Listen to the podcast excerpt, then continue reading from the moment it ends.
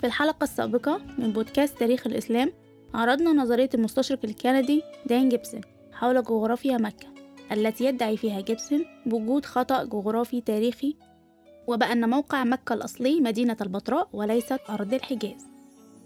واستند إلى عدة دلائل منها استخدام جهاز ال GPS في إثبات أن المساجد الأولى في الإسلام جميعها كانت موجهة صوب مدينة البتراء بخلاف كون أوصاف البتراء تتشابه مع أوصاف مكة بالقرآن من حيث وجود الزرع والنباتات وكونها مركزا تجاريا عكس موقع مكة الحالي بالحجاز.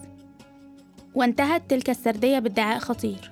يفترض أن كعبة المسلمين كانت بالبتراء. وقد تم نقلها فيما بعد إلى الحجاز. يسرد جيبسون أن هناك انقسام حدث في العالم الإسلامي.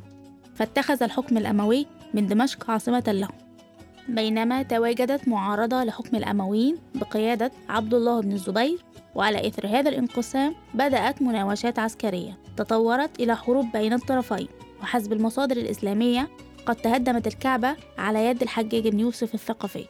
ويدعي جيبسون أن إعادة البناء لم تكن بالمكان الرئيسي لها ألا وهو البتراء وأن إعادة بناء الكعبة استدعت الانتقال لمكان جديد أي نقلها من البتراء إلى الحجاز.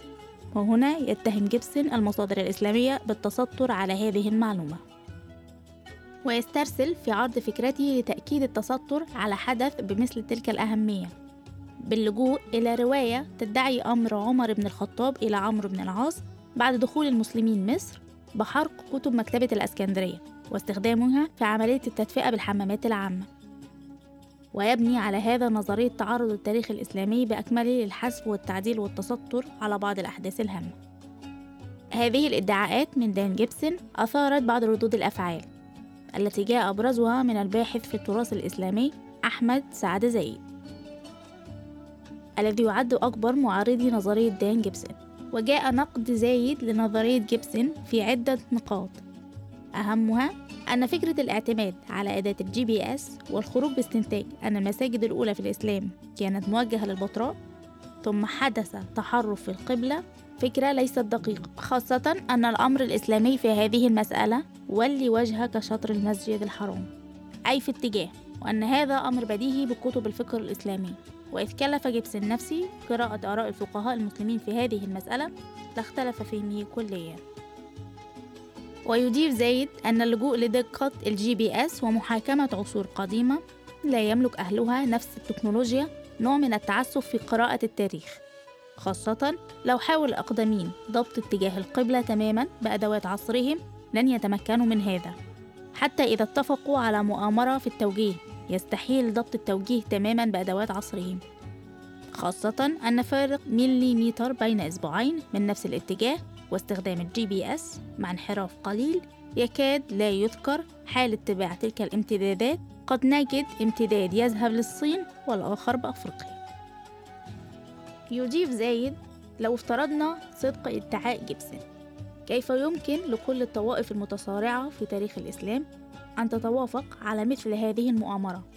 فالعالم الإسلامي وهو ما لم ينتبه له جيبسون كان به عدة طوائف. تمثل مراكز حكم مختلفة ومتصارعة.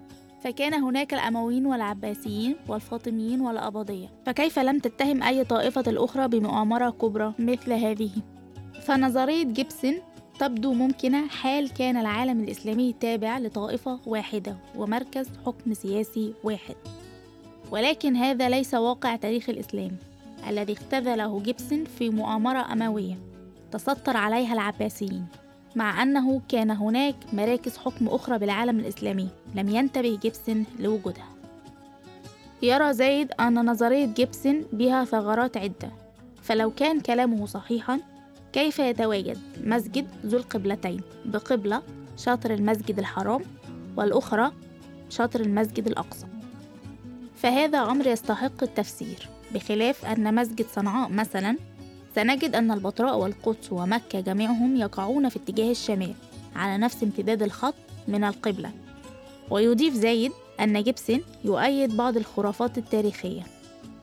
مثل ادعائه بناء مسجد في الصين عام سبعة هجرية على يد سعد بن أبي وقاص مع أن سعد بن أبي وقاص عاش ومات بجزيرة العرب. ويختتم زايد آرائه في هذه المسألة أن الادعاءات الكبرى تحتاج إلى دلائل كبرى.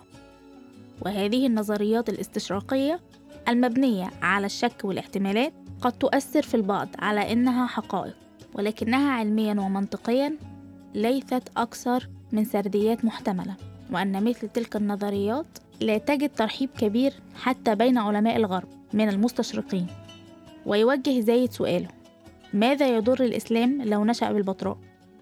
حتى تتم كل هذه المؤامرة التي يخبرنا بها جيبسون على مدار هذه الحلقة والحلقة السابقة عرضنا نظرية دان جيبسون حول جغرافيا مكة التي يعتقد أن موقعها الحقيقي البتراء عرضنا ما يدعم به جيبسون نظريته وما يقدم لها من نقد في محاولة للتفكير الحر بعيدا عن الانحيازات فهل يمكن أن يكون موقع مكة هو مدينة البتراء؟